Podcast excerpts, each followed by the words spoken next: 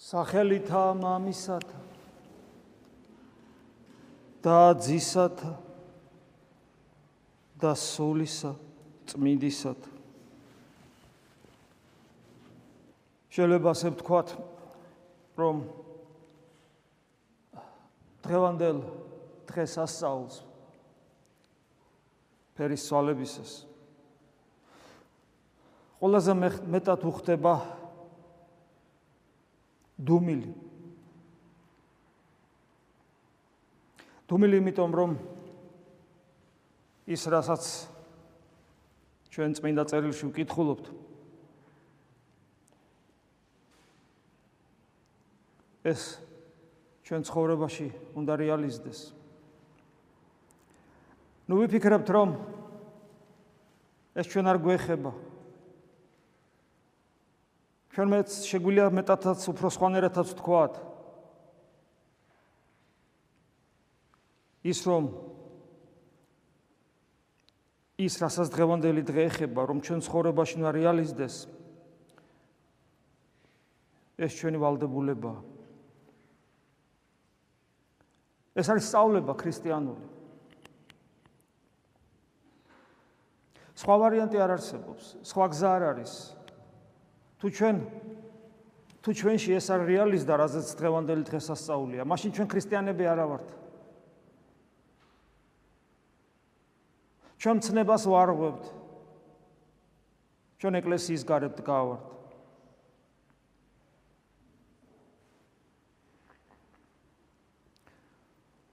აი პავლე მოციქულს ფილიპელთან მიმართ ეპისტოლეში საოცარი სიტყვები აქვს. იგი ამბობს, რომ ჩვენი მოქალაქეობა ზეცაშია. მოქალაქეობა ზეცაში. უკვე ადამიანი იკითხავს. უკვე. ბოლომდე ბოლომდე არა.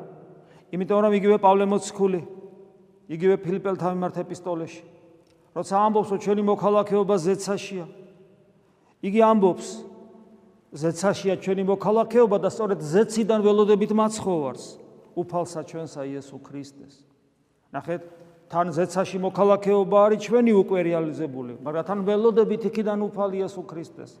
ანუ არის და თან არ არის. თან ვართ და თან ბოლომდე არა ვართ. და შემდეგ აგზელებს პავლე მოციქული, როცა უფალი დაბრუნდება, მოველით რა მას. იგი ჩვენ აი ამ დამდაბლებულ სხეულს თუ ცოცხალნი ვიქნებით. ხოლო თუ გარდაცვლნი, მიწას შერეულ ჩვენ სხეულს, აღადგენს და გარდაქმნის. როგორ? ისე როგორი სხეულიც მას აქვს. როგორი სხეული აქვს მას? ჩვენ დღეს ვიხილეთ. დღეს ხედავთ, დღეს გავიგეთ. თაბორის თაზე ვიყავით რა მოციქულებთან ერთად. რომ მისი პირი წინავდა ვითარცა მზე.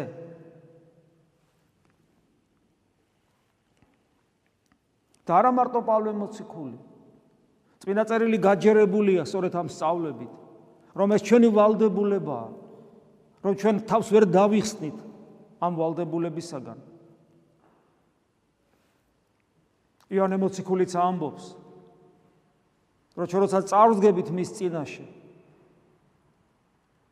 ჩვენ აღმოვაჩენ თუ ცხონდებით რა თქმა უნდა რომ ჩვენ ვართ ისეთები როგორიც ის არის.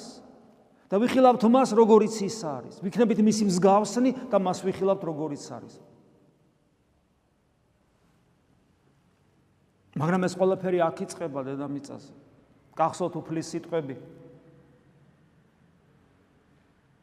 მათესახარებაში. იყავით ნათელი ამას სოფლის. და ისე უნდა ბწყინავდეს ნათელი თქვენი. ისე უნდა ბწყინავდეს ნათელი თქვენი. რომ ამას ადამიანები ხედავთ. ისე უნდა ბწყინავდეს ჩვენი ნათელი, რომ ამას ადამიანები უნდა ხედავდნენ. და მათ შესაბამისი ناقოფები უნდა გამოჰქონდეთ. ისინიც ისინიც უნდა აენთნენ და ისინიც უნდა ბწყინავდნენ. აი ეს არის ქრისტიანობა.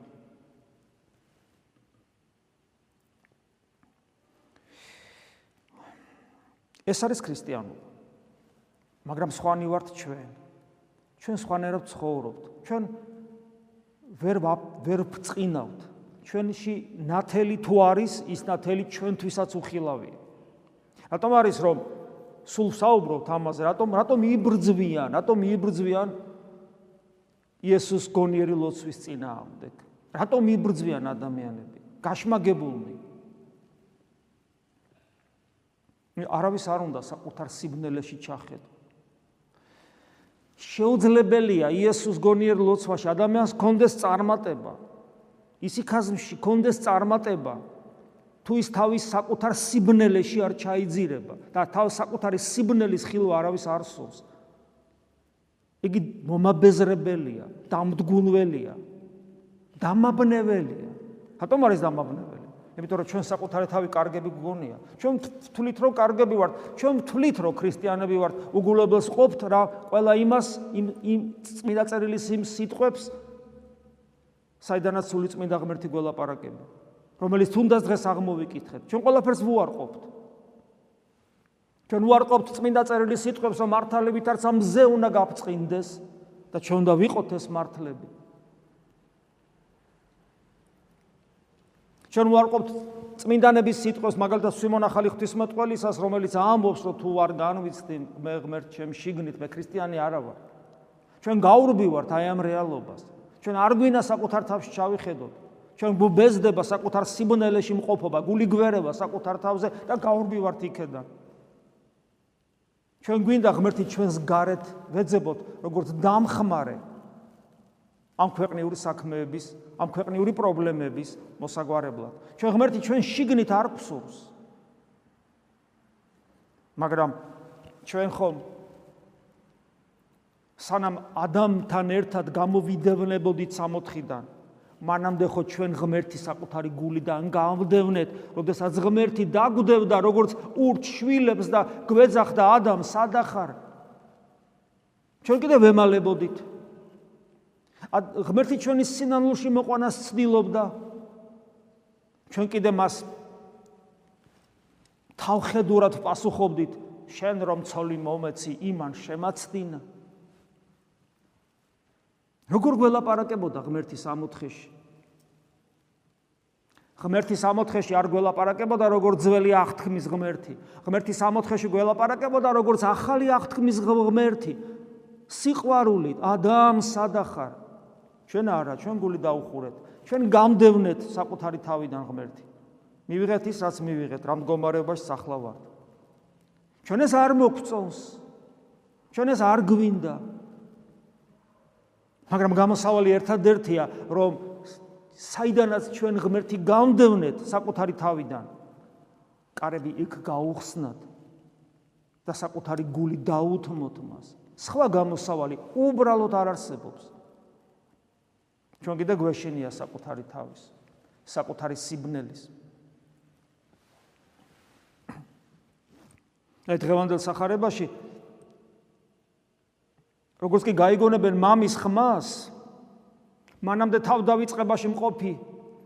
მოციქულები მადლის ქვეშ მყოფნი. ძალუმად გამოსჩიოდა რა მადლი განკაცებული ღმერთიდან. ბავშვით ტიტინებდნენ და არიწოდნენ რას ამბობდნენ. სრულ თავდავიწყებაში მყოფნი. როგორც კი გაიგონებენ მამის ხმას. ისინი შიშისაგან როგორც ყდარნი ისე დაეცემიან რატომ განაძნელი გასაგებია. აბა ახედეთ ღამის საში ღამი ღამის სიბნელეში ახედეთ სას. აი ამ დიდებულების რომლის უმნიშვნელო ნაწილსაც კი ვერ ხედავთ ჩვენ ჩვენი თვალებით აი ამ სიდიადის შემოქმედის ხმა როგორ არ შეგზარავს? შეგზარავს სამართლიანად. გახსოვთ მოსე რომელიც დღევანდელ სახარებაში ილიასთან ერთად ეცხადებათ მოციქულებს და საუბრობენ უფალთან. მოსე როცა გადაწყვეტს იხილოს ღმერთი როგორ იხილავს ის ღმერთს? აბა გავიხსენო ძველ აღთქმაში კლდის ნაპრალში მხოლოდ ღმერთის ზურგს რომ არ მომკვდარიყო მოსე. კლდე კიდე ქრისტეს სიმბოლო, ამით წინასწარმეტყველურად ეუბნება მოსეს ღმერთი რომ შენ ოდესღაც ადამიანი ოდესღაც მიხილავს მე კლდით კლდეში მყოფი. კლდე როგორც სიმბოლო ქრისტეს ილია წინასწარმეტყველს როგორ ეცხადება? სუსტ ჩქამში პატარა სიოში წულილ ნიავში როგორც ძველ ქართულად წერია ხოლო თავის სიდიადით შემაძრწუნებელია ეს ჩვენთვის. და ამიტომაც ისინი როგორც შეშინებულები თვითაც მკვდარნი დაეცემიან და ძალა გამოცლილი ენერგია გამოცლილი დაიძინებენ. ძინა. და უფალი აღვიძებს ასეულნება. უფალი რომელიც უკვე აღარ წინავს აღარ ავლენს უფრო სწორედ, როგორ არ წინავს ის მარადის წინავს, აღარ ავლენს თავის თავს მოციქულებისათვის, იგი დაიბრუნებს მათი ტკბილი, მზრუნველი, მოძღვრის სახეს. მათ აფხიზლებს და პირველი ასაცეუბნება დღევანდელ სახარებაში აღმოვიკითხეთ. ნუ გეშინი შეიძლება რომ ადამიანს ამ სამყაროში არ არაშინოდეს შეიძლება თავის თავს რეალურად აღიქვამდეს რაც არის სიკვდილის მერე. მხოლოდ 3 კილო ძვალი რჩება ადამიანი შეიძლება ასეთი უსუსური არსება რომელსაც ძალიან დიდი ამბიციები აქვს. ამბიციები უკვდავებისა შეიძლება ასეთ ადამიანს ასეთ არსებას არ ეშინოდეს. და ჩვენ გვეშინია ყველას. ჩვენ ღმერთი გვინდა მაგრამ ღმერთთან მიახლოების თავი არ აგვაქვს ჩვენ ღმერთის ხმის გაგონებისთანავე გვეშინია მაგრამ აი კლდის ნაპრალში მწულილ ნიავში ანუ განკაცებულ ღმერთში ჩვენ შეგვიძლია თვალებში უყუროთ უფალს და არ შეგვეშინდეს იმიტომ რომ უფალი გვეუბნება ნუ გეშინი. ნუ გეშინი მაგრამ ეს ნუ გეშინიათ იმდანაც ტკბილია. იმდანაც დიდებულია. იმდანაც მოსიყვარულია იმდანაც გულმოწყალია. იმდანაც მდაბალია და იმდანაც მომთმენია, რომ ჩვენ გადაუარეთ, მოუკალით და ვაფურთხეთ. არა მხოლოდ მაშინ. 2000 წლის წინ, არამედ ეხლაც ყოველწამ საკუთარ გულში ჩვენ ქრისტეს ასე ვექცევით. ჩვენ მუდამ გვეშინია საფრთხო განგებულების, მუდამ გვეშინია საფრთხო სამართლიანობის. მაგრამ ქრისტეს განკაცებულ ღმერთს მუდამ ვუარყოფთ მუდამ გავცემთ, მუდამ ვღალატობთ, მუდამ ვცემთ, მუდამ ვანერწყვებთ, მუდამ გამდევნით ჩვენი გულიდან და მუდამ ჯვარს ვაცვავთ. მუდამ ასე ვექცევით, ხოლო ღმერთის ყოვლის შემძლეობის და სამართლიანობის კვლავ გვეშინია. კვლავ ქრისტესკენ გავრბივართ განკაცებული ღმერთისკენ, რომელიც თავად დიადი ღმერთია, ოღონ ადამიანად მოსული, ანუ კლდეში ვდგებით, წულილნიავში უსმეთ და მე ისევ შეურაცხყოფ და ესე მუდმივად ასე ვიქცევით სულ. შედეგი ამ ყოველივესი ის არის რომ ჩვენ ვბერდებით და ქრისტეს ვერ ვერ ხედავთ ჩვენს გულში ყოლავ სიბნელია. და გამოსავალი არ ჩანს. მაგრამ დღევანდელი სახარების წინ არის საინტერესო მუხლი სადაც უფალი საუბრობს რომ არიან ვინმე აქამ მდგომარენი და ეს შინარსობრივად ეკუთვნის დღევანდელ საკითხავს არიან ვინმე აქამ მდგომარენი რომლებიც სიკვდილის გამოს მანამ არ იხილავენ სანამ არ იხილავენ ძეხვთისას ძეკაცისას იესო ქრისტეს. თავისი დიდებით თავისი სუფევით როგორც მეუფეს. ანუ გაფწყინებულს განათებულს განათლებულს. სად საკუთარ გულში ჩვენზეა საუბარი ეს ხომ მხოლოდ იმიტომ არ დაიწერა რომ აჰა ასე მომხდარა მოციქულებისთვის არამედ სამი მოციქულისათვის არამედ ჩვენთვისაც დაიწერა. არიან აქ მდგომარენი ნეტა რომლები ვარ ჩვენ? ვინა ვართ ეს აქ შენ ხარ შენ ხარ შენ ხარ მე ვარ. შეგვიძლია ვთქვათ რომ არა კაცო მე ეს არ მეხება. შეგვიძლია ჩვენ ვთქვათ არიან აქ მდგომარენი, რომლებიც სიკვდილის გამოს არ ეხილავენ მანამ, სანამ იესო ქრისტეს არ ეხილავენ ვითარცა ღმერთს, განათლებულს, გაბწყინებულს საკუთარ გულში და შეგიძლია ამის მერე თქვა, რომ არა კაცო მე ეს არ მეხება. ვინ გაბედავს ამის თქმას ჩვენ შორის? რატომ? იმიტომ რომ ჩვენ ვერ წარმოგვიდგენია ჩვენი ცხოვრება ისე, ჩვენი დაბერება ისე, ჩვენი სიკვდილი ისე, სანამ ამას ჩვენს გულში არ ვიხილავთ აი ამ დიდებულებას. ჩვენ არ გვინდა სხვანაირი ქრისტიანობა, ჩვენ არ გვინდა სხვანაირი ცხოვრება, ჩვენ არ გვინდა რომ ჩვენ იმიტომ დავბადებულიყავით აქ რომ ეს არ მომხდარიყო ჩვენ ჩვენ ჩვენ ეს გვინდა ამისთვის ვართ აქ. ჩვენ გვინდა თითოული ჩვენ გვინდა ჩვენი საკუთარი ფერის ცვალება. იმიტომ რომ ღმერთი ადამიანი იმიტომ გახდა და მისი ადამიანური ბუნება იმიტომ გაფწყინდა რომ ეს მე მეხება პირადად და შენ გეხება პირადად და ჩვენ გვეხება პირადად და ჩვენში უნდა მოხდეს ეს ჩვენ უნდა გავფწყინდეთ ვითარცა მზენი და როგორც დიდებული ისიქასტი წმინდანი ერის კაცი نيكოლოს კავასილა ამბობს, როდესაც დიადი მზე დაბრუნდება იესო ქრისტე.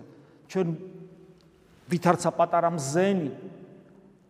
აი როგორც ქვას რომ თოგზე ჩამოკიდებულ ქვას რომ გადაკვეთავდა დიდი სისწრაფით მიწისკენ მიდის ჩვენ ასე პირიქით ზეცისკენ დიდი სისწრაფით აღვემართნებით და დიდ მზეს უამრავი პატარა მზე შეხვდება და ეს იქნება ის დიდებული შეხვედრა რომელსაც შემდგო პავლე მოციქული ამბობს შეხვდებით მას და მარადის მასთან ერთად ვიქნები ეს თითოული ჩვენს ჩვენგანის ცხოვრებაში გასაკეთებელი საქმეა და ჩვენ ასე დროს და ამ შემთხვევაში ჩვენ პეტრეს, იაკობს და იოანეს იქ თაბორის თაზე ისტორიულად, როცა იყვნენ იმათ აღვემატებით, იმიტომ რომ ისინი ხედავდნენ იესო ქრისტეს გამწყინებულს თავის გარეთ, ხოლო ჩვენ უნდა დავინახოთ იესო ქრისტე გამწყინებული ჩვენ შიგნით. ამით განსხვავდება ახალი აღთქმის ადამიანი ჯერ კიდევ სულიწმინდის მიერ არანათელღებულ მოციქულებთან. მოციქ მათგან განსხვავებით ჩვენ შიგნით გვაქვს ამის შიგნით გვაქვს ამის ხილვის შესაძლებლობა. ჩვენ თაბორის მთა შიგნით გვაქვს. ჩვენ ქრისტეს ფერის სვალებას შიგნით დავინახავთ და ჩვენ საფრთხო ნათელი ჩვენიდან შიგნიდან გარეთ გამოანათებს. ეს არის ჩვენი საკეთებელი და ეს არის ჩვენი გზა ქრისტიანობის. ამიტომაც იყო რომ დღევანდელ საკითხავში პეტრე მოციქულის სიტყვები იქნა აღმოკითხული. პეტრე რომელიც იხსენებს თაბორის მთაზე იაკობთან და იოანესთან ერთად და უფალთან ერთად მყოფობას.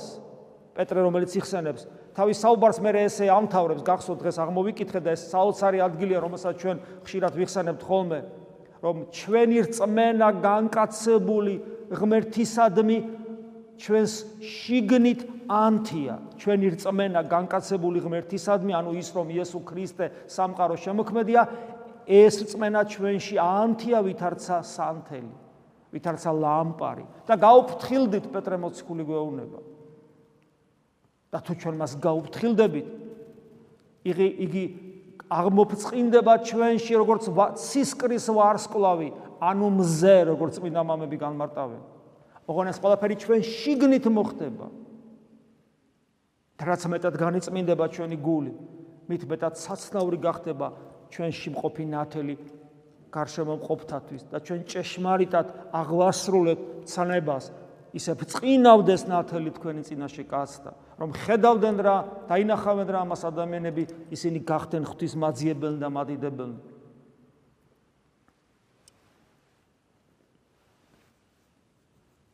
ამიტომ დღევანდელი დღე ისეთი სიდიადის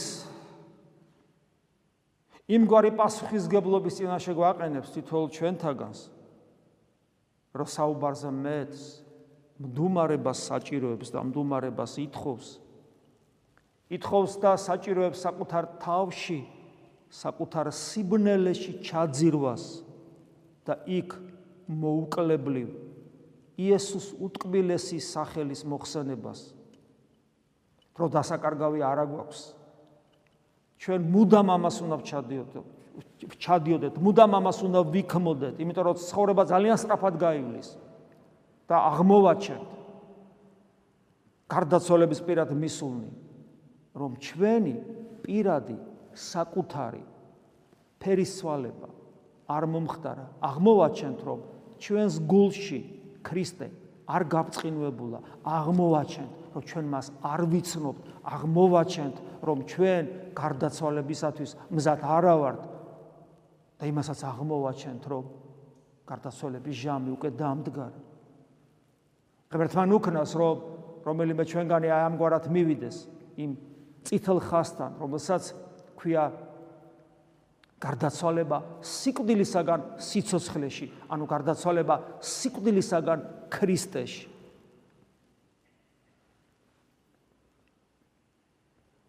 ამიტომ მეტად და მეტად ვიცხოვროთ შიდა ცხოვრებით. მეტად და მეტად ჩავიხედოთ საკუთარ თავში. ნუ მოგუბეზდება საკუთარი სიბნელე. ნუ ნუ გავექცევით მას, იმიტომ რომ იქ საკუთარი თავის სიბნელეში ვიპოვით იმას, ვინც არის ჭეშმარიტი ნათელი, ჭეშმარიტი მზე ჩვენთვის მოსული ჩვენთვის მომკვდარი ჩვენი მოსიყვარულე ტკბილი იესო ამინ. მადლი უფლისა ჩვენის იესო ქრისტეს და სიყვარული ღვთისა და მამის და ზიარება სულისა წმინდისა იყოს თქვენ ყოველთა თანა. ამინ